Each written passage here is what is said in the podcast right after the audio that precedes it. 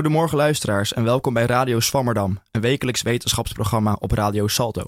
Mijn naam is Thomas Verhagen en vandaag zullen we het hebben over depressie en met name over stedelijke factoren die een rol spelen bij depressie. Het leven in de stad kan druk en hectisch zijn en veel stress met zich meebrengen.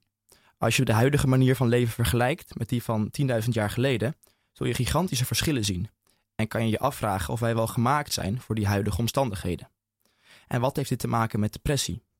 Hierover gaan we het hebben met Annemie Ploeger, assistent professor op de UvA op de afdeling ontwikkelingspsychologie, en met Junus van der Wal, promovendus bij de onderzoekswaartepunt voor Urban Mental Health van de UvA. De co-presentator vandaag is Tanne van der Wal. Tanne, depressie is best wel een heftig onderwerp. Uh, maar waar komt wat komt er in je op als je aan depressie denkt? Ja, um, goedemorgen Thomas. Uh, lastige vraag. Ik, ik vind depressie dus best wel een uh, moeilijk te omvatten concept, denk ik. Ik denk dat het iets is waar we allemaal mee in aanraking komen in ons leven, maar wat uh, zo breed aanvoelt dat ik me er uh, ja, lastig uh, iets bij in kan beelden. Ook al ken ik dan misschien wel mensen die te kampen hebben met een depressie. Um, ja, ik denk dat dat het eerste is wat er in me opkomt. Dat ik het een groot concept vind en lastig te omvatten. Ja, dat is, ben ik heel met je eens. Het kan inderdaad heel lastig zijn om een voorstelling te maken wat het precies inhoudt om depressief te zijn. Daarom uh, luisteren we even naar een fragment van Patrick Laurij over hoe het voelt om depressie, een depressie te hebben. Het is ook heel lastig om uit te leggen hoe het voelt als je in een depressie zit. Dat, valt niet uit te leggen. De beste manier hoe ik het kan omschrijven is: het voelt alsof je er niet meer bent. Maar je bent er wel. En dat is tegelijk ook zo confronterend. Je kijkt met heel veel afstand naar je eigen lijf, naar mensen waar je om geeft, die om jou geven, naar je eigen omgeving. Maar het is een kleine stap om er daadwerkelijk niet meer te zijn. Dus de hele tijd om het hoekje te loeren. De hele tijd. Maak er maar eind aan, gozer. Maak er maar eind aan. De hele tijd. Je zit continu in angst. Dus slopen. En het scheelde niet veel of het ging voor mij die kant op. En logisch, dus ik ben heel blij en dankbaar dat het niet zo ver is gekomen voor mij.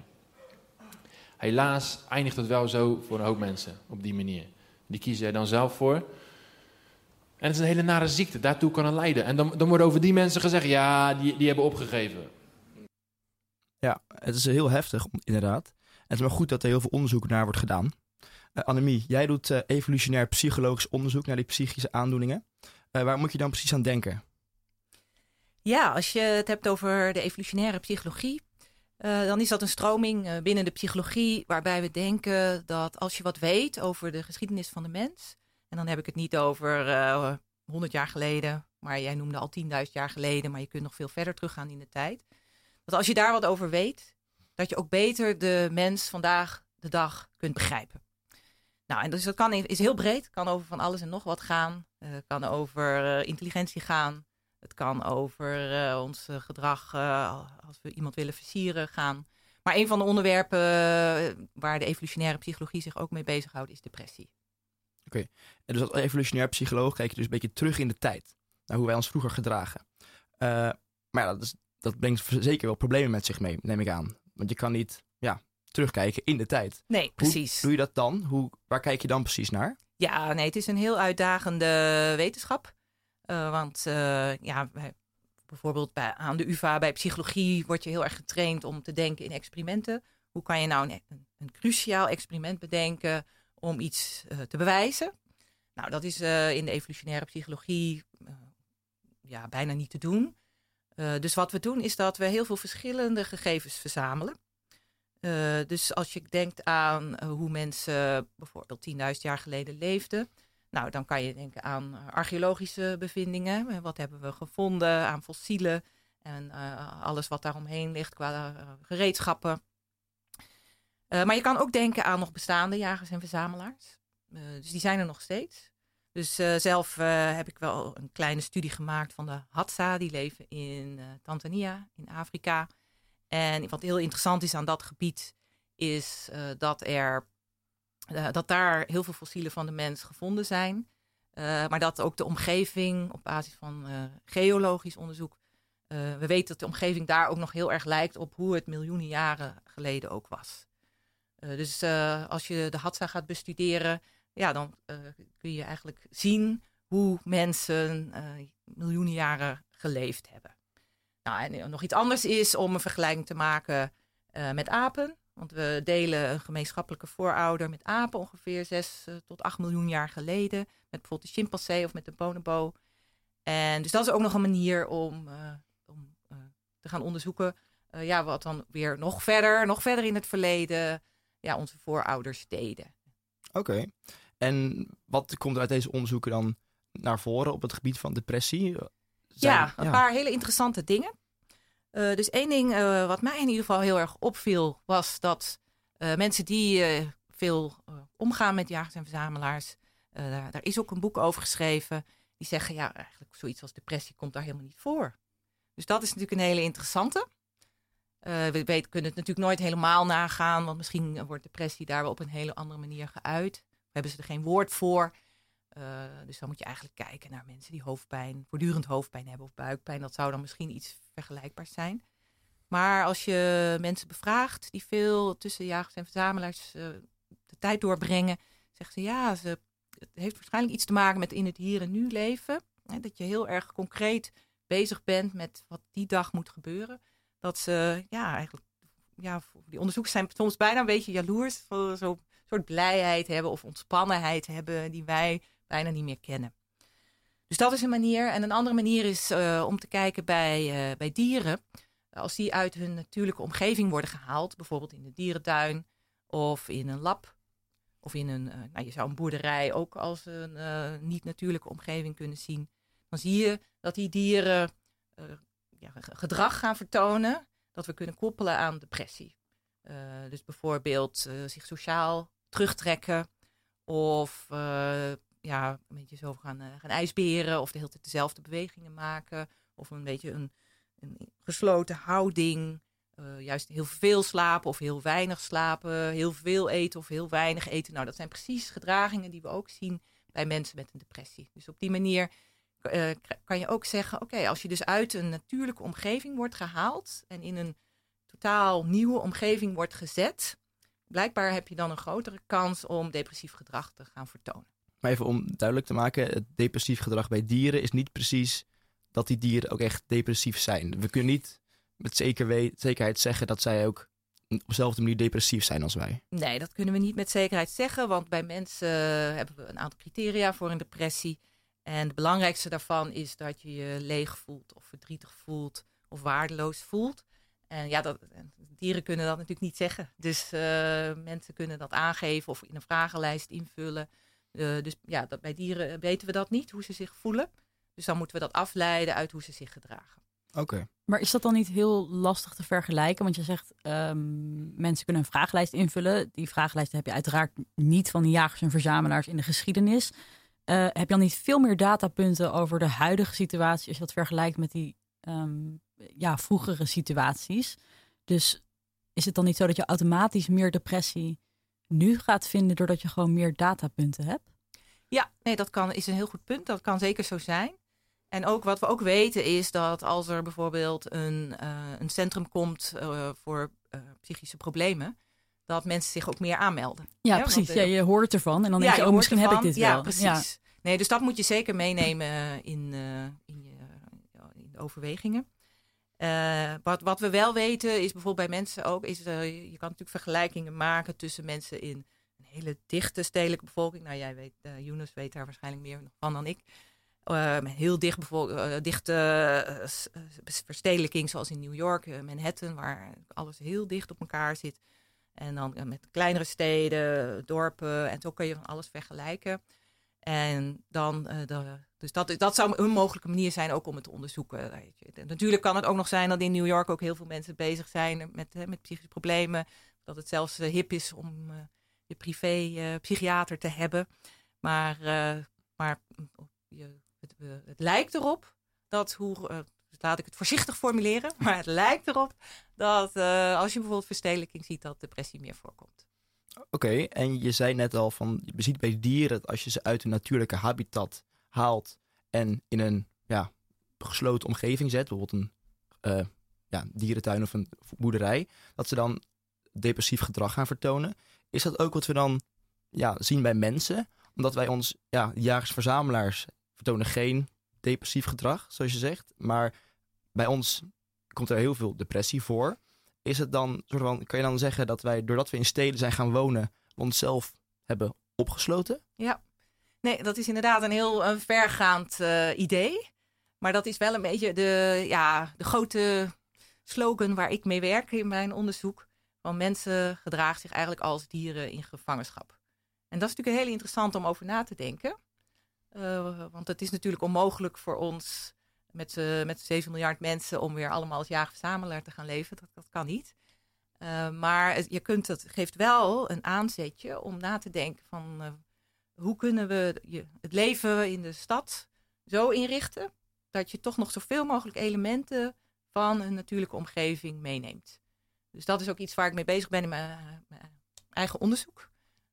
Dat ik onderzoek of mensen die inderdaad veel, ik noem dat dan mismatchfactoren, de mismatch tussen hoe we nu leven en hoe we in uh, een vroegere omgeving leefden. Als die mismatch heel groot is, uh, dan hebben ze een veel grotere kans op depressie dan als, als die mismatch heel klein is. Nou, en waar moet je dan aan denken? Aan beweging. dat is natuurlijk een, een voor de hand liggende. we weten van jagers en verzamelaars dat die zo'n beetje zes uur per dag in beweging zijn. Nou, als je een kantoorbaan hebt of als je studeert, is dat natuurlijk onmogelijk. Maar je kan wel proberen ietsje meer beweging in je leven in te bouwen. En we weten ook, ook uh, met experimenten, dat als je meer gaat bewegen, dat ook je uh, kans op depressie verkleint. Nou, dus dat is een eentje. Eten is er eentje. We eten heel veel bewerkt voedsel. Uh, denk aan chips, frituurd eten, uh, pannenkoeken, nou ja, noem maar op. Eigenlijk alles wel wat we, wat we lekker vinden, helaas. Pizza en zo, dat is vaak bewerkt voedsel. Uh, maar dat is juist, dat, ja, dat uh, is, is een ingewikkeld verhaal om dat helemaal biologisch uit te leggen waarom dat dan slecht voor ons is.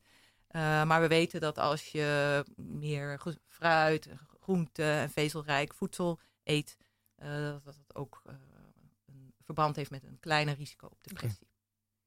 Okay. En ja, je ziet in de stad dat er heel veel drukte is, heel veel prikkels. Ja. Heeft dat ook een bepaalde invloed op uh, je mentale gezondheid? Ja, dat is zeker zo. Er zijn natuurlijk altijd wel grote individuele verschillen. Er zijn mensen die dat juist heerlijk vinden. En er zijn mensen die dat liever niet hebben.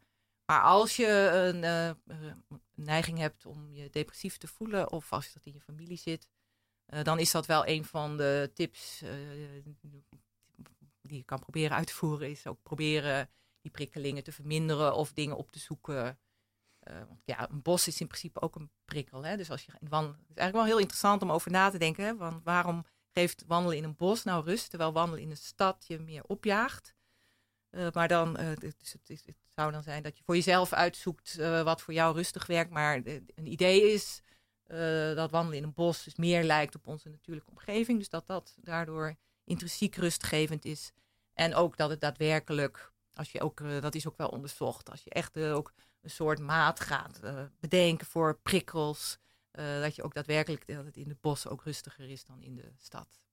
En je zei net ook al eventjes iets over of je de aanleg voor hebt. Ja. In hoeverre is ja, je, je genetische aanleg hiervoor, speelt die een rol bij depressie? Ja, die is zeker ook belangrijk. Ja, dus mensen die aanleg hebben voor depressie, dus dat weet je omdat het in je familie voorkomt. En op DNA-niveau uh, kun je ook een paar genen aanwijzen die uh, te maken hebben met uh, depressie. Maar wat we ook weer weten, is dat de, de erfelijkheid van depressie ten opzichte van andere mentale stoornissen zoals autisme of schizofrenie juist laag is. Dus bij depressie speelt de omgeving een veel grotere rol dan bij zoiets als autisme of schizofrenie. Dus dat geeft ook weer ruimte voor ja, interventies hè, om, of om preventie om te voorkomen dat je depressief wordt. En in hoeverre kan je nou, um, zien jullie nou verschillen tussen depressie in de stad nu, waar we natuurlijk uh, naast prikkels van de stad ook heel erg veel prikkels van social media, et cetera, hebben. Dat, dat loopt heel erg op. Zie je verschil nu met bijvoorbeeld 20 jaar terug, wanneer we ook al in een stad leefden, maar er misschien uh, minder een digitale invloed was? Ja, zeker. Ja, nee, dat, uh, het, het, het, we weten dat de depressie aan het stijgen is. Dat, uh, dus, uh, dus, wat dat betreft uh, kunnen we dat zeker zeggen. Waar dat dan precies aan ligt, weten we niet. Hè. Een van de redenen zal zijn die je net al noemde, dat er ook meer over gepraat wordt en dat er meer aanbod is ook aan hulp. Dus dat je ook eerder daardoor een diagnose krijgt. Maar sociale media en de rol daarvan de, bij depressie is, is ook uitgebreid al onderzocht. En dat blijkt best wel een ingewikkelde relatie te zijn. Want wat juist weer goed is, wat, wat helpt tegen depressie is sociale contacten. Dus als je, en via sociale media heb je natuurlijk ook sociale contacten. Mhm. Dus als je veel eh, met WhatsApp of zo bezig bent, eh, ja, dan kan je dus gemakkelijk sociaal contact onderhouden. Eh, wat, we wel, wat we weten is dat vooral mensen die eh, passief zijn op sociale media, dus die bijvoorbeeld op Instagram vooral naar foto's kijken en niet zelf actief eh, posten, dat, eh, dat passieve gedrag het meest samenhangt met depressie. En in hoeverre kan je daarvoor corrigeren eh, in de analyses die je dan doet? Als er zoveel factoren zijn Ja. ehm, die daar ook een invloed kunnen hebben, Ja. ehm, heb je Ja. daar een bepaalde standaard voor om daarvoor te corrigeren? Ja, wat ik zelf doe is eh, dat ik niet corrigeer, maar dat ik het als een optelsom zie. Dus je hebt heel veel mismatchfactoren. Dus je, te weinig beweging, verkeerd eten, te veel sociale media. En eh, nou, te perfectionistisch, te, te, te, veel het nachtleven in, te, wei- te weinig slaap. Nou ja, noem maar op. Dus het, is eigenlijk een optelsom. En wat ik zie in mijn onderzoek is dat die optelsom heel erg maakt of je een vergroot risico hebt op een depressie. Maar de individuele factoren aan zich hebben een kleine voorspellende waarde. Dus En het woord mismatch factor, dat duidt dan dus op de mismatch met onze natuurlijke ja, omgeving. precies. Oké. Dus de mismatch tussen hoe we nu leven en hoe we, ja, je zou kunnen zeggen als jagers en verzamelaars ooit eh, eh, rondzworven, nomadisch leven. Ja, want dus in een hele korte tijd, eigenlijk zijn wij van jagers-verzamelaars gegaan naar waar we nu zijn. Ja, En ja. dan, dan zijn wij dus evolutionair, is het idee van die theorie niet op aangepast. Ja, precies. Ja, nee, dat klopt. Eh, dus als je kijkt naar het DNA, dan de DNA-sequentie die verandert langzaam. Er zijn natuurlijk wel veranderingen. Een bekend voorbeeld is onze aanpassing aan eh, melk eh, kunnen verteren, lactose. Eh, want dat is, is een nieuwe mutatie die je ook nog niet overal op de wereld terugziet. Maar dat betekent dat, en dat heeft heel direct te maken met landbouw en dat we dieren gingen melken. En dat die melk een nieuwe voedingsbron was. Dus sommige mensen kunnen er wel tegen en andere mensen niet. Dus dat is een voorbeeld dat we ons wel degelijk kunnen aanpassen. Maar over het algemeen, nou je kent ook wel die, die data over dat we bijvoorbeeld de DNA 99% overeenkomt met de chimpansee. Nou, dan, dat, dat geeft al aan dat het langzaam verandert. Want als je kijkt naar hoe een chimpansee leeft en hoe we in de moderne samenleving leven, dat is natuurlijk een wereld van verschil. En dat doen we dus met 1% verschil eh, in DNA. Nou is dat niet het hele verhaal. Het ligt er ook aan hoe, je, hoe het DNA wordt aangestuurd. Dat noem je dan de epigenetica. eh, eh, eh, dus dat heeft wel met genen te maken, maar meer met hoe ze, of ze aan of uitstaan bijvoorbeeld. Nou, da- daar kan wel heel snel verandering in plaatsvinden. Dus ik, ik zou, wil niet zeggen dat we totaal niet aangepast zijn aan onze huidige omgeving. Want anders zouden we natuurlijk ook überhaupt niet kunnen overleven. Maar dat veel mensen er moeite mee hebben, dat, ja, dat is heel begrijpelijk. En hoe spelen de selectiedrukken die wij vandaag de dag eigenlijk niet meer ervaren hier een rol bij? Bij deze. Ja, dus de selectiedrukken die we niet meer ervaren is eh, bijvoorbeeld dat je heel snel of dat, eh, al eh, dat je overlijdt in je kindertijd. Bij jagers en verzamelaars zien we dat 50% van de kinderen de volwassen leeftijd niet haalt. Nou, dat is in de westerse wereld iets van eh, 1 op de 1000. Dus dat, dat hebben we heel erg weten terug te dringen. Dus, die, eh, dus door medische voorzieningen en eh, voldoende voedsel eh, kan je dat heel erg terugdringen. Dus die zie je niet meer. Maar er komen natuurlijk weer nieuwe selectiedrukken bij. En ook selectiedrukken die er altijd waren. Dus het belangrijkste op dit moment is vooral ook seksuele selectie. Dus hoe vind je een partner?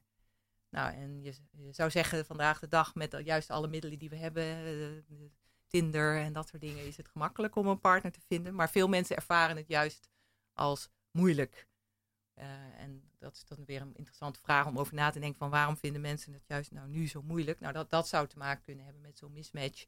Dat je een veel grotere keuze hebt. En bij jaagverzamelaars, eh, nou, als je in de leeftijd komt dat je een partner wil, zijn er misschien vijf leeftijdsgenoten eh, waar je uit kunt kiezen.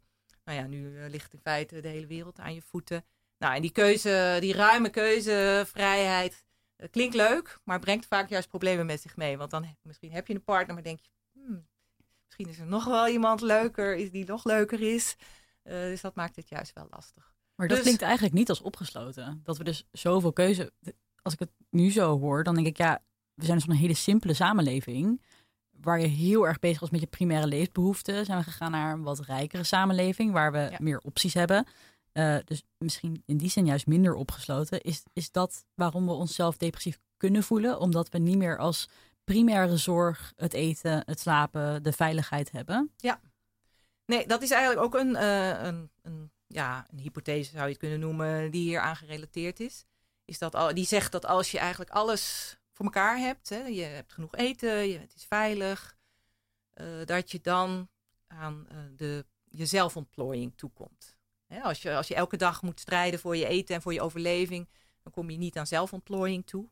Nou, in, in moderne samenleving komen we daar eh, super aan toe.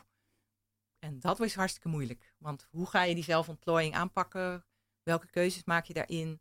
En, eh, als het mislukt, is het dan ook eh, jouw eigen probleem, individualisme. Dus, eh, en die, die, dat is, je kan het zien als een andere hypothese van waarom depressie veel voorkomt, maar je kan het ook zien als een soort complementaire, aanvullende hypothese op, eh, op het hele mismatch verhaal. Want ja, eigenlijk is die zelf, zelfontplooiing is eigenlijk al een mismatch. ja.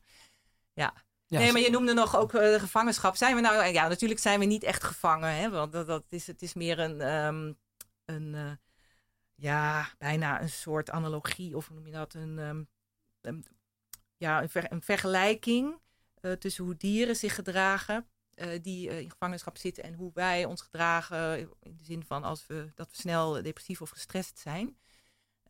Daarin, in die zin lijken we op dieren in gevangenschap. Maar als je gaat nadenken ook over je leven, hoe je je leven leeft, heb je dan echt wel vrijheid. Hè? In de zin van, je leeft ja, in een huis, we leven in- in een vast huis. Hè? Jagersverzamelaars trekken rond. Dus je zou een huis al bijna als een kooi, even heel negatief gezegd, een kooi kunnen zien. je gaat vaak dezelfde route naar je werk of naar je studie. Dus dat ligt ook vast. Nou, dan als je je studie doet of je werk doet, zit je meestal ook binnen in een hok in een kooi. Dus in die, dat, dat, eigenlijk op die manier moet je dat Mhm. gekooid eh, zien. Nou, zo te horen er heel veel verschillende factoren. En het is een heel ja, speculatief vakgebied. Je weet niks zeker en je, ja, dus niet echt een hypothese om vakkundig te- met experimenten te testen. Ja. En dat is, eh, ja, heel, heel bijzonder Het lijkt is me heel dat. uitdagend. En sommige mensen zeggen daardoor, nou, dat is niks voor mij. Als eh, wetenschappers zeggen dat, want ik wil gewoon de waarheid weten. Maar in mijn beleving, kijk, het feit dat ik hier nu zit, dat je me hebt uitgenodigd. eh, en, en dat er heel veel belangstelling is, ook voor boeken zoals van Harari, dat boek over Sapiens, dat was heel populair. Dat geeft wel aan dat mensen dit wel heel graag willen weten. Dus ik zou zeggen dat er wel eh, vanuit de wetenschap eh, veel aandacht voor moet zijn. En ik zie het meer als een puzzel die je in elkaar probeert te zetten, dan als een experiment waarbij je aan het eind definitieve conclusies kunt trekken. Nou, top. Hartstikke bedankt eh, voor je verhaal en eh, dat je met dit ons hebt willen delen. Eh, Graag gedaan. De tweede gast van vandaag is eh Younes van der Wal. Hij eh, doet bij het Urban Mental Health onderzoek naar verschillende stedelijke invloeden op depressie. Younes, we hebben het net met Annemie gehad over eh, evolutionaire mechanismen die een rol spelen bij het voorkomen van depressie. Ik vroeg me daarom af, hoe kijk jij naar die evolutionaire aanpak waar Annemie net over had? Ja, ook heel interessant. Ik snap ook heel goed eh, de vergelijking van dat je gekooid bent in de stad vanuit evolutionair perspectief. Want als je erover nadenkt, is het eigenlijk bizar hoe snel dat is gegaan. Rond 1900 eh woonde nog niet één van de vijf mensen op de wereld in een stad en nu is dat meer dan de helft. En nou, tegen het eind van deze eeuw eh drie kwart. Ehm, dus dat is heel snel gegaan. Aan de andere kant, mensen zelf die staan daar nooit zo bij stil. Want je hebt de neiging om niet verder terug te denken dan je eigen geboortejaar.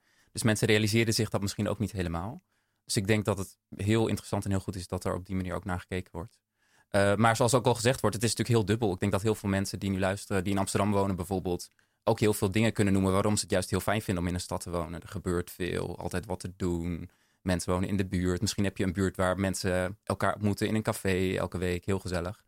Um, maar er zijn ook heel veel factoren waar, die ik heb onderzocht, die ook een negatieve invloed kunnen hebben op je mentale gezondheid. En het is ook belangrijk om die in kaart te brengen. En ook het samenspel daartussen, eh, zoals Annemie al zei, over die optelsom. Zo werkt dat in een stad denk ik ook. Er zijn heel veel leuke dingen en positieve dingen. Er zijn ook heel veel dingen die stress kunnen opleveren. Geluidsoverlast, criminaliteit. Er is meer ongelijkheid. Um, en hoe werken die in de optelsom nou samen om de mentale gezondheid te beïnvloeden. En wat we daaruit willen leren is hoe kunnen we het dan zo organiseren of zo ingrijpen uh, dat wonen in de stad leuker wordt en dat mensen minder depressiviteit ervaren. Ja. En uh, jij doet onderzoek naar deze factoren, die dus, uh, ja, waar Annemie het ook over had, sommige, daar kijk je ook naar. Ja. Wat voor factoren moet ik dan voor me zien? Wat, wat, wat, wat is nou echt een goede, een goede factor die goed echt samenhangt met depressie? Een goede factor. De um, factoren waar denk ik het meest sterk bewijs voor is, dat zijn toch de wat sociale factoren. Bijvoorbeeld als je uh, een laag inkomen hebt of werkloos bent of veel onzekerheid met betrekking tot je financiën. Dat komt natuurlijk ook op het platteland voor, maar die groepen zijn vaak wat groter in steden. Um, en andere soorten factoren waar je in steden aan kan denken zijn ook omgevingsfactoren. Bijvoorbeeld uh, luchtvervuiling uh, heeft invloed op je hersenontwikkeling. geluidsoverlast heeft ook invloed op, op je mentale gezondheid, maar ook bijvoorbeeld op je slaap. Als je naast een snelweg woont en je slaapt slecht, dat verhoogt ook weer het risico op een depressie. Um, en het aantal beschermende factoren, uh, die moeten we ook niet vergeten, dat is ook gewoon lager in de stad. We hadden het net al over het bos. En een van de factoren die ik heb gevonden die beschermend werkt tegen depressie, is juist uh, dat je een groene omgeving hebt. En dat is in steden natuurlijk een stuk minder uh, dan op het platteland. Ja. En deze factoren, zijn die, ja, werken die ook, gaan die hand in hand met elkaar? Ja, zeker. Ja? En ik denk dat dat heel belangrijk is om, om ons dat ook te realiseren. En ook ons onderzoek daar nog meer op in te richten. Ik heb ook uh, voor mijn onderzoek de literatuur doorzocht, bijvoorbeeld naar welke factoren zijn er nou onderzocht al en wat is daar het bewijs voor. En wat mij opviel is dat heel veel studies gaan over één of twee factoren tegelijk. Die kijken dan bijvoorbeeld naar geluidsoverlast en ervaren mensen dan depressieve klachten. En of um, is er economische ongelijkheid en hoeveel depressie komt er ergens voor. Terwijl al die dingen natuurlijk ook met elkaar samenhangen als je bijvoorbeeld uh, een concreet voorbeeld, stel dat je naast de A10 woont, dan heb je waarschijnlijk last van geluidsoverlast. Maar je hebt waarschijnlijk ook last van luchtvervuiling. Um, er staan betrekkelijk veel sociale huurwoningen naast de snelweg. Misschien worden die wel niet even goed onderhouden. Dus misschien is de uitstraling van de buurt ook niet goed. Dus al die factoren die komen allemaal bij elkaar. Um, en waar wij ook voor pleiten bij het uh, Center for Urban Mental Health... is dat we ook in samenhang moeten kijken van hoe die factoren ook onderling met elkaar te maken hebben. En dat is heel belangrijk, want je wil ook weten wat is nou de beste manier om in te grijpen in de stad. Op zo'n manier dat mensen dan ook gelukkiger worden. Want als we vinden bijvoorbeeld dat uh, geluidsoverlast gerelateerd is aan depressie, uh, dan zou je kunnen denken, dan zetten we hele grote geluidsschermen neer. En dan hebben mensen daar minder last van. En misschien gaat depressie dan naar beneden. Maar het zou maar zo kunnen zijn dat de invloed van die andere dingen die daar vaak mee samengaan, dat die dan eigenlijk ervoor zorgen dat mensen nog steeds uh, depressief kunnen worden. En voor zo'n onderzoek, ja, er zijn zoveel factoren dat je door het ja, bomen het bos niet meer kan zien. Nee. En waar, waar begin je dan? Wat, waar, wat zijn je eerste aanknopingspunten voor zo'n factor? Ja, toch uh, kijken wat er al onderzocht is. Er is natuurlijk al heel veel onderzoek gedaan. Dus je moet ook niet de hele tijd opnieuw het wiel gaan uitvinden. Uh, dus dat, heb, dat hebben we gedaan, ook recent uh, gepubliceerd over. Um, dat we hebben gekeken in de literatuur welke factoren zijn nou onderzocht en wat is daar het bewijs voor. Dat is eigenlijk een beetje het startpunt. En wat we nu denk ik moeten doen, en wat we ook in onze onderzoeksgroep proberen te doen, is dat we gaan kijken hoe hebben die factoren dan met elkaar te maken en hoe hebben die invloed op mentale gezondheid uh, over de tijd heen. Um, en wat we ook willen meenemen, wat uh, ook niet heel vaak wordt gedaan in onderzoek, is dat de mentale gezondheid van de mensen in de stad ook weer invloed heeft op hoe een stad functioneert. Als er in een bepaald gebied bijvoorbeeld heel veel verslaving voorkomt of, of heel veel depressie, dan heeft dat ook weer invloed op bijvoorbeeld in hoeverre mensen sociale contact hebben in de buurt en of er sociale cohesie is. En als die heel slecht is, dan kan dat ook weer uh, negatieve gevolgen hebben voor de mentale gezondheid van de mensen die daar wonen. Dus je kan ook een, een uh, nou ja, zichzelf versterkend effect daardoor krijgen. Dus dat is ook iets wat we proberen mee te nemen. Ook gewoon ons realiseren dat ook dus die uitkomst waar we naar zoeken eigenlijk ook onderdeel is van het hele verhaal. Oké. En je spreekt over wij, want jullie zijn een onderzoeksgroep inderdaad. Ja. Uh, voor Urban Mental Health. Waar, ja, kijken jullie nog meer naar veel meer dingen dan depressie? Want het gaat allemaal over stedelijk, stedelijke factoren. Maar waar kijken jullie allemaal nog, nog meer naar? Ja, we, wij kijken specifiek naar de, eigenlijk de meest voorkomende mentale stoornissen. En dat zijn depressie, angststoornis en verslaving. Uh, ik in mijn onderzoek focus me op depressie. Maar andere promotiestudenten bij mijn groep kijken bijvoorbeeld naar angst of naar verslaving. En ook binnen de groep is ook veel variatie. Sommige mensen kijken naar jongvolwassenen, pubers. En andere mensen kijken weer juist specifiek naar ouderen. Die in een stad weer hele andere factoren hebben waar ze stress van kunnen ondervinden. Oké. En waar, waar kijk je dan naar? Kijk je naar dan mensen die. Um, waar haal je je data vandaan? Dus kijk je naar mensen die zelf zeggen: Ik ben depressief. Of gaat het dan om mensen die bij een psycholoog zijn geweest en daar um, zijn gediagnosticeerd met een depressie? Ja, we kijken um, uit meerdere bronnen eigenlijk. In Amsterdam lopen best wel veel grote onderzoeken al, waar heel veel mensen al heel lang worden gevolgd. Um, en uh, naar hun gezondheid wordt gevraagd. En ook naar hun mentale gezondheid. En ook naar depressie. Dus dat is bijvoorbeeld een van de bronnen waar we veel data uithalen. Um, maar waar we uiteindelijk ook in geïnteresseerd zijn natuurlijk. Je zegt al heel terecht van mensen kunnen zelf aangeven, ik heb depressieve klachten. Maar het is weer wat anders als iemand ook echt naar een psycholoog moet of naar een dokter moet en er behandeling voor krijgt. Um, dus dat is uiteindelijk ook iets waar we naar willen kijken. Van. Het kan wel zo zijn dat bepaalde factoren maken dat je je somberder voelt. Maar mensen, hè, dat je je somber voelt, wil nog niet zeggen dat je depressief bent. Dus we zijn ook wel op zoek naar wat zijn nou factoren die echt maken dat mensen een depressie krijgen. En daar echt behandeling voor moeten hebben. Oké. En uh, ja, de stad gaat ook samen met veel vernieuwing. Ja. Uh, in ons voorgesprek sprak je ook over vernieuwende uh, technieken die gebruikt kunnen worden in het onderzoek naar depressie. Kan je hier iets meer over toelichten? Ja, nou bijvoorbeeld, we hadden het net over social media. Het feit dat iedereen nu een smartphone bij zich draagt. Um, er zijn een paar uh, onderzoekers uh, in ons team ook die daar gebruik van maken. En mensen bijvoorbeeld via hun smartphone vragen om input te leveren. Um, en dat kan zijn eenmalig, maar het gebeurt, zijn ook studies dat mensen bijvoorbeeld door de dag heen, een bepaalde periode, in hun, op een smartphone aangeven hoe ze zich voelen, of ze somber zijn, maar ook wat ze op dat moment aan het doen zijn, in wat voor omgeving ze op dat moment zijn. Als je die data hebt, dan zou je ook heel concreet kunnen kijken waar bevindt iemand zich, in wat voor omgeving, stedelijk, wat voor prikkels ervaart iemand en hoe voelt iemand zich dan. En dan kan je misschien iets van die knoop ontwaarden van al die factoren die daarmee te maken hebben, door het op dat moment te meten. Dus al die factoren, dat hele complexe uh, ja, al die complexe factoren kan je dus door ja, te nieuwe technologie veel beter in kaart brengen. Ja, zeker. Ah, okay. En wat daar ook het voordeel van is, als je mensen op hun smartphone dat vraagt, mensen kunnen veel beter op het moment zelf aangeven hoe ze zich voelen dan als ze dat achteraf moeten doen. Dus als je mensen achteraf vraagt, goh, hoe voelde u zich het afgelopen half jaar, hebben mensen daar globaal wel een idee over.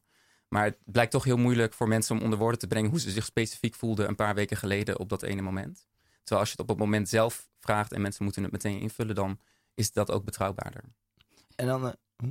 Nee, ik, ik vroeg me af in hoeverre de coronacrisis nou roet in het eten gooit als je mensen de hele dag vraagt hoe ze zich voelen. Het lijkt me dat dat natuurlijk ja. best wel een grote invloed heeft op mensen hun mentale gesteldheid. Ja, ja.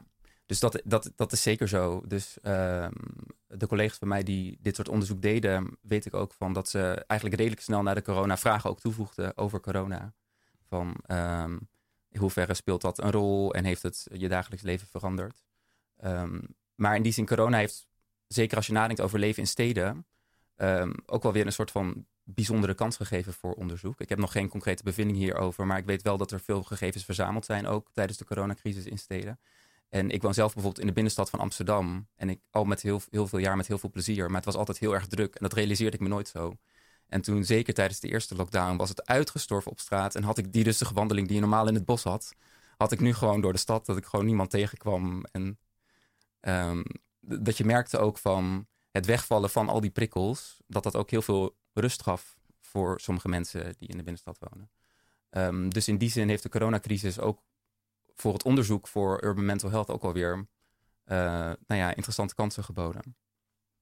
Oh, goed om te horen. Ja. En uh, dan wil ik nog even een, een speculatieve vraag stellen, ook aan Annemie. Uh, maar hoe zou je dan, als je dus nu een nieuwe stad zou mogen ontwerpen, als je nu wordt gevraagd aan jou, oké, we gaan een nieuwe stad ontwerpen, waar moeten we rekening mee houden om de mentale gezondheid van mensen zoveel mogelijk in re rekening mee te houden? Oh, dat is een hele goede vraag. En ook een lastige vraag. Ik denk gewoon puur op basis van uh, wat ik tot nu toe zelf heb gelezen en heb gevonden, uh, denk ik dat je um, goed moet rekening houden met dat je dingen zo ontwerpt dat er veel ontmoeting kan zijn, dat mensen elkaar kunnen tegenkomen. Ik denk dat sociale verbinding en sociale connectie heel belangrijk is. Dat er aandacht is ook voor de uitstraling en veel groen. Um, En dat je moet uitkijken dat, dat bijvoorbeeld prikkels die te maken hebben met luchtvervuiling, geluid, grote wegen, dat je die op zo'n manier inricht dat die niet midden door een woonwijk lopen. Maar ik denk ook, als je kijkt naar de geschiedenis van steden die uit het niets zijn gebouwd, uh, dat het niet altijd per se zo is dat het dan ook een recept is voor dat mensen daar dan automatisch gelukkig zijn. Uh, bijvoorbeeld um, de Belmermeer is uh, natuurlijk ooit gebouwd uh, vorige eeuw voor mensen in de binnenstad die in de binnenstad heel klein woonden en geen sanitaire voorzieningen hadden. Dat is toen neergezet met het idee van nou, dat is voor die mensen prachtig. grote doorzonflats en met veel groen, veel park. Maar in het begin waren daar toch ontzettend veel sociale problemen en ook mentale problemen. Dus je kan ook niet altijd vanaf de tekentafel voorspellen hoe dat gaat. Dus dat vind ik ook vanuit evolutionair perspectief. Daar kan Annemie misschien meer over vertellen. Zo interessant aan steden. Die zijn eigenlijk door de duizenden jaren heen heel organisch ontstaan. En eh, ik, dat maakt denk ik ook wel dat, dat oudere steden op een of andere manier. Hè, ik kan er de vinger niet echt op leggen, maar omdat het zo organisch ontstaan, werkt het ook omdat het zichzelf heeft georganiseerd in die zin. En als je dat van bovenaf doet en dan mensen daarin zet, eigenlijk net als een dierentuin en dan met dieren erin, werkt dat misschien toch minder goed. Maar ik weet niet hoe jij daarnaar kijkt. Nee, dat klopt wel. Ja, dat organische is natuurlijk juist ook heel prachtig. En wat je ook wel ziet, is dat we juist vaak de oudere gedeeltes van de stad mooier vinden. Hè? De binnenstad van Amsterdam. Of, maar zelfs iets als de Pijp, wat natuurlijk echt een arbeiderswijk was met, met slechte voorzieningen, is nu uh, een hippe wijk. Dus uh, dat organische, dat klopt wel. Uh, ja, wat ik denk is ook heel, wat heel belangrijk is, maar dat is natuurlijk zo lastig om te beïnvloeden, is de sociale ongelijkheid. Hè? Want dat is vaak waar mensen heel erg gevoelig voor zijn. Uh, en dat is ook interessant om daar uh, vanuit zo'n jager-verzamelaarsblik naar te kijken. Uh, want aan de ene kant is, zijn jagers en verzamelaars vaak heel egalitair. Hè? Dus heel erg. er is natuurlijk, je kan als jager-verzamelaar eigenlijk geen bezit krijgen. Dus het is heel gelijkwaardig. Aan de andere kant zie je weer bij chimpansees dat daar is ook geen bezit, maar daar is juist een, een, hele sterke hiërarchie. En dat is ook wel weer een hiërarchie die we snel terugzien in, bij mensen. Als je bijvoorbeeld een bedrijf eh, begint, is het, vinden mensen eigenlijk heel logisch dat er een baas is en dat de andere mensen minder verdienen en zo. Uh, maar die uh, sociale ongelijkheid, dat lijkt mij nog wel qua steden de grootste uitdaging om daar wat aan te doen. Ja. En dat is natuurlijk meer een politiek issue. Ja, je ja. ziet natuurlijk zeker veel verschil in prijzen qua huizen. Uh, zeker in Amsterdam. Voor de ene betaal je gigantische bedragen en de ander valt het wel weer mee. Ja. ja dat is... Zijn er mogelijkheden om zo'n sociale ongelijkheid aan te pakken? Of is dat helemaal uh, ondenkbaar? Is dat... Nou, op zich doet Amsterdam het denk ik niet slecht door in ieder geval te voorkomen dat de ghetto's ontstaan. Door overal waar nieuwbouw is gemengd, sociale woningbouw en, en koopwoningen te doen. Uh, dus ik denk dat dat wel een heel goed concept is. Uh, maar dan, uh, wat jij ook zei, de ontmoeting. Hè, je, je ziet dan wel weer relatief weinig ontmoeting tussen de mensen. Dus daar zou je misschien in de vorm van meer buurthuizen of buurtcomité's of uh, nou ja, zo'n World Clean Day, dat je met z'n allen gaat opruimen. Zo, daar zou je nog wel wat meer in kunnen sturen. Ja. Mag ik nog een andere vraag stellen aan Annemiek? Ik Tuurlijk. tijd voor is. Ja. Wat ik me heel erg afvraag, um, ook vanuit evolutionair perspectief. Ik ben geen evolutionair psycholoog, maar ik ik zou dan denken van evolutie heeft ook te maken met selectie. En um, als depressie heel nadelig is, zou het dan niet evolutionair gezien al een soort van verdwenen moeten zijn op een gegeven moment. Dus zou het ook kunnen zijn dat in de geschiedenis van de mensheid er toch ook soms enig voordeel zat aan dat mensen zich een beetje depressief voelden. Misschien dat mensen zich terugtrokken of misschien gingen mensen piekeren. Of is er ook iets in een depressie wat maakte dat het toch voor bleef komen? Hadden mensen er toch soms voordeel aan in sommige omstandigheden? Ja, dat is een hele goede vraag. Want dat, dat is ook iets wat me heel erg uh, boeit. Die, die vraag van waarom bestaat het eigenlijk überhaupt nog? En uh, nee, dat, uh, het is zeker zo. Uh, dat je kunt dan het beste weer naar dieren kijken hoe die, of die dan tekenen hebben van depressie. En als je kijkt naar in het wild, is het, zou je zeggen dat een, een depressie bij dieren meestal een consequentie is van een verlies. Bijvoorbeeld ze hebben gevochten of in, zijn in hiërarchie onder, achteruit gegaan, dan zie je uh, een soort depressief gedrag. Nou, en dan zou je kunnen zeggen dat is adaptief, want je hebt net een verlies meegemaakt, dus je trekt je terug. En als je je terugtrekt, uh, heb je sowieso minder kans om alsnog een, een, knal in je gezicht te krijgen. En je, dan, dat geeft ook tijd, ja, als een soort van tijd heelt alle wonden of nadenken. Dat zal bij mensen eerder een rol spelen over je problemen en of je die eventueel kunt oplossen. Maar wat je dan ziet is dat het heel kortstondig is. Ja. En wat, wat het eh, bij mensen problematisch maakt, is dat als het heel langdurig is. Ja. Zeker. Dus, dus ik denk dat het wel eh, de, de kortstondige eh, depressieve eh, stemming, dat die eh, adaptief kan zijn. Maar als het dan zo lang gaat duren, dan wordt het, eh, is het niet meer adaptief. Nee. Ja. Maar goede vraag, zeker. Maakt het allemaal nog meer ingewikkeld. Ja, precies. Eh, we gaan nu even luisteren naar een eh, column van eh Dr. René van Amerongen. Die heeft een column geschreven en die gaat ook over depressie. Deze week kwam ik erachter dat ik mezelf een gelukkig mens mag prijzen. Want ik associeerde het woord depressie in eerste instantie en zonder enig nadenken met een gebied van lage luchtdruk. Of, zoals de website van het Koninklijk Nederlands Meteorologisch Instituut het beeldend samenvat, een enorme atmosferische stofzuiger die lucht naar boven trekt, waarbij die lucht spiraalgewijs naar het centrum van lage druk toestroomt.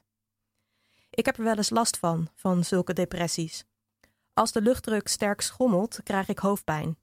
Ik weet niet waar dit verschijnsel zich precies bevindt op de glijdende schaal van een toevallige correlatie naar ingebeelde angst voor elektromagnetische velden, maar frappant is het wel.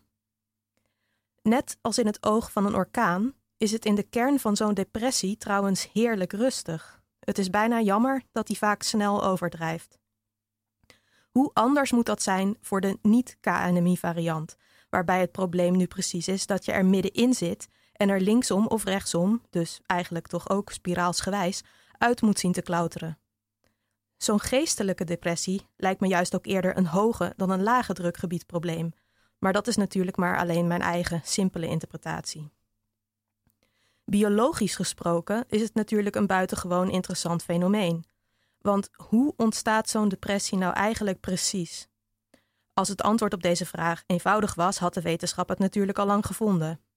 Waarschijnlijk is een depressie dan ook typisch een voorbeeld van een complex, multifactorieel probleem waarbij kleine verschillen in het DNA, schommelingen in de niveaus van neurotransmitters en, zoals we al hoorden, omgevingsfactoren op een subtiele manier samenspelen. En ze zijn er in alle soorten en maten: chronisch, seizoensgebonden, postnataal. Maar is er hier nu eigenlijk sprake van een sensorisch probleem, waarbij cellen in de hersenen op een verkeerde manier signalen aan elkaar doorgeven? Of moeten we de verklaring zoeken op een ander niveau, waarbij de hersenen signalen die er zijn niet goed interpreteren? En wanneer is iets in onze hersenen nou eigenlijk goed of verkeerd, normaal of abnormaal te noemen? Sommige mensen zijn van nature nu eenmaal wat optimistischer of pessimistischer dan anderen. Ligt er een oorzaak of een oplossing in die aanleg? En als je depressief bent, voel je dan geen of andere emoties? Of weet je jezelf geen raad met wat je voelt? U merkt het al, er had hier vanmorgen beter een neurowetenschapper kunnen zitten. Ik vermoed dat ik zelf, na 25 jaar wetenschap bedrijven, zo langzamerhand emotioneel behoorlijk ben afgestompt. Je kunt jezelf tenslotte maar beter wapenen tegen mislukkende experimenten, tegenvallende resultaten of afgewezen subsidieaanvragen waar je eigen carrière of het voortbestaan van je onderzoeksgroep van afhangen. De kunst zit er maar in om zelfs wanneer het 90% van de tijd tegenzit, nog wel oog te blijven houden voor de lichtpuntjes en de successen. Dus vieren wij in onze groep bijvoorbeeld dat we een paper hebben opgestuurd voor publicatie. En niet het moment waarop het na lang getouwtrek maanden later eindelijk daadwerkelijk een keer geaccepteerd wordt. Dan is alle euforie al lang weggeëpt. Zelf weet ik inmiddels niet beter. Maar ik herinner me nog goed hoe lastig het was om als jonge onderzoeker met al die tegenslagen om te gaan en mezelf door het moeras van het publicatieproces heen te vechten. En het is er alleen maar moeilijker op geworden. Nee, in de wetenschap zitten gevoelens en emoties vaak alleen maar in de weg. Het is soms inderdaad om depressief van te worden. Dankjewel René. Mooi, mooi gesproken. Uh, en je spreekt ook over die ja, manier van aanpak van je onderzoeksgroep. Dat jullie dus vieren dat die uh, artikel is ingestuurd en niet gepubliceerd is. Uh, doe je dat al vaker op andere manieren in je leven? Zo'n optimistische aanpak? Um, ja, nou ja, ik weet niet of ik het optimistisch moet, moet noemen, maar ik probeer wel um, mee te bewegen met van alles en nog wat. Ik ben wel degene die bij de supermarkt in de rij uh, mensen voor laat gaan, die me niet uh, laat opjagen als er iemand voor dringt, die zich niet opwindt als er een lange rij staat. En dat is ook iets wat ik me halverwege afvroeg om of al die omgevingsfactoren en zo die een rol spelen. Het, is ook, het zijn factoren waar je geen controle over hebt. Hè? Als de A10 lawaai maakt, dat, dat is gewoon irritant. Maar je, je, kunt, je kunt er zelf niks aan doen. En ik denk dat ja, af en toe, ook in zo'n situatie in de rij bij de supermarkt of zo, eh, ja, gelaten het over je heen laten komen, is toch ook een manier van controle terugpakken en het gevoel krijgen alsof dat een keuze is. Ja, nee, dat is inderdaad gewoon ja, die genetische aan, ja, dus een genetische laag, maar ook een laag meer betrekking heeft op hoe je er met die prikkels en zo omgaat, inderdaad. Ja. Hebben jullie dat ook? Dat jullie een bepaalde manier van een bepaalde manier in het leven staan om met deze ja, ik, ik identificeer me hier wel een beetje mee. Ik ben ook wel zo iemand. Ik word ook nooit boos als er een trein vertraagd is of uitvalt. Dan kan je toch niks aan doen. Ja. Dan kan ik me wel gaan zitten opwinden of gaan schelden, maar daar schiet je niet echt iets mee op. Nee, maar neem niet weg dat ik het nog steeds heel belangrijk vind om Ehm, te onderzoeken of die A10 ook iets doet. En ook, als dat zo is, zoveel mogelijk ook politiek of wie dan ook uh, dat wil, uh, onder de aandacht wil brengen. Uh, maar voor mezelf persoonlijk is dat ook wel een beetje hoe ik met dingen omgaan. Ja, maar ik heb nog nooit gevierd dat ik een paper heb opgestuurd. Dat vind ik eigenlijk wel een heel leuk idee. Dus dat ga ik overnemen. Ik kan het iedereen van harte aanbevelen. Zeker, ja, dat noem je de veerkracht. Hè? Want en daar, daar zitten die grote individuele verschillen ook in. Ook, ook, ik denk ook deels wel je, hoe je genetisch in elkaar zit, hoe je in het leven staat, uh, of je inderdaad makkelijk met tegenslagen kunt omgaan of niet. En uh, nou ja, wat ik zelf wel heb is, als, want je hebt de neiging als je het heel erg druk hebt, om te denken, oh, dan moet ik nog, nog een tandje bijschakelen. Hè? Want nu heb ik eigenlijk meer werk te doen dan de tijd die ik heb. Ik denk, nou, zondagmiddag ga ik dan maar even doorwerken. Maar vanochtend dacht ik, nee, juist als je het te druk hebt, moet je die zondagmiddag lekker vrij nemen. Uh, want dan ja, krijg je toch een soort uh, rustje uit en kun je daarna eigenlijk efficiënter werken, hoop ik. en, dus dat zijn dingen die ik doe. Dat je er echt in het weekend denkt, oh ja, even de rem erop. En dan inderdaad proberen iets uh, te gaan doen wat een beetje lijkt op jagen en verzamelen. Nou, jagen en verzamelen gaat een beetje moeilijk, maar bijvoorbeeld het lekker naar buiten en de wind langs je oren laten suizen. Maar dat is wel moeilijk in de stad. Als je heel veel, ja, ook heel veel afleiding om je heen hebt. Uh, ik zelf ja, heb heel veel mensen om me heen die dan iets willen gaan doen. Een avondje weg. Dat is ja, heel veel afleidingen die leiden er ook toe. Daar moet je ook mee kunnen omgaan.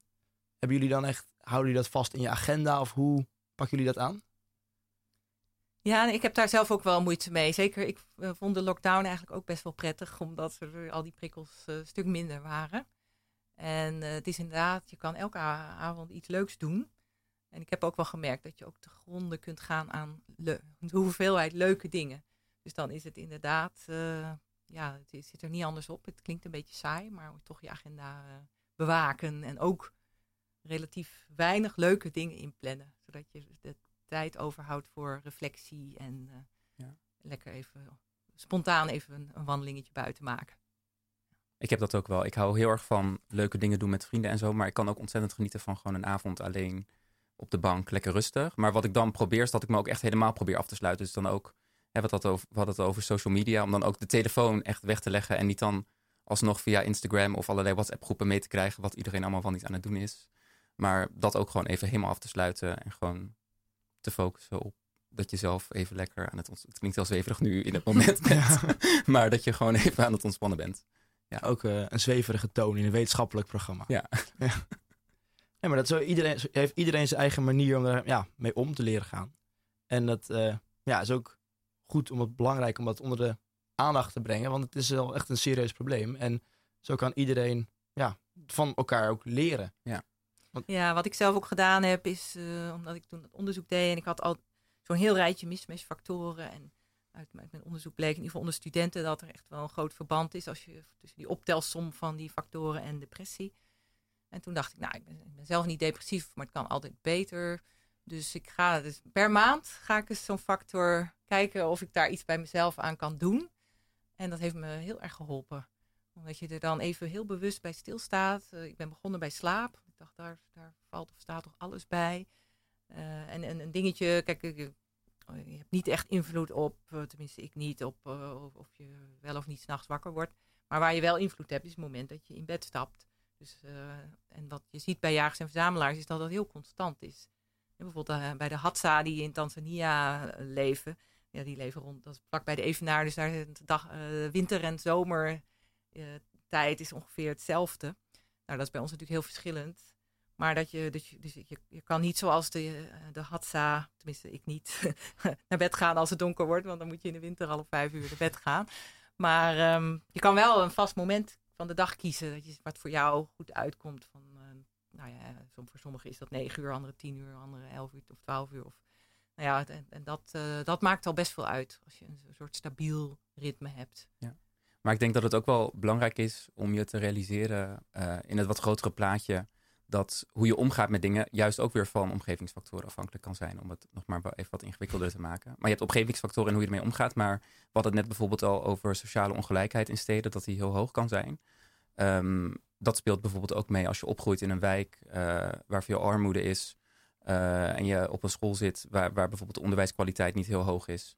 Um, en je steeds het gevoel krijgt misschien dat je, dat je minder bent dan mensen die in een mooier deel van de stad wonen. Dat vormt ook uh, je persoonlijkheid en hoe je met tegenslagen omgaat. Het kan je heel erg sterken. Hè? Misschien dat je juist een ontzettende knokker bent. Maar het kan je ook het idee geven van... Um, ik ben het minder waard uh, om ervoor te gaan. Dus ik neem genoegen met minder bijvoorbeeld. Dus um, dat is denk ik ook vanuit urban mental health perspectief wel belangrijk. Dat ook de manier waarop we uiteindelijk in steden... Hè, hoe we het inrichten en hoe we met elkaar omgaan... echt vanaf de geboorte uitmaakt ook hoe mensen op latere leeftijd in het leven staan en, en zich gedragen. Ja, dat is, ja, dan komt het weer neer op het punt dat er zoveel factoren zijn. Ja, dat is denk ik uh, de uitgang van deze uitzending. En uh, ja, daar wil je hartstikke bedanken voor het uh, te gast zijn in deze uitzending. ja, ik heb heel veel jullie geleerd en ik hoop de luisteraar ook. Ook wil ik de columnist René van Amerongen bedanken voor je mooie column. Ook wil ik Tanne, de co-presentator voor vandaag, bedanken. En uh, dit techniek was vandaag in handen van Pelle Intema. Ook heel veel dank daarvoor. Reageren op deze uitzending kan via Facebook, Instagram of Twitter. En je kan ons daarna ook volgen om niks te missen van de volgende uitzendingen. We zijn per mail te bereiken op redactie.radioswammerdam.nl Volgende week is er weer een nieuwe uitzending van Radio Swammerdam van 11 tot 12 op Radio Salto. Oudere uitzending kun je ook terugluisteren op Spotify, iTunes en Soundcloud. Deze uitzending komt vandaag later ook als podcast online. Dit was Radio Zwammerdam. Bedankt voor het luisteren en hopelijk tot volgende week.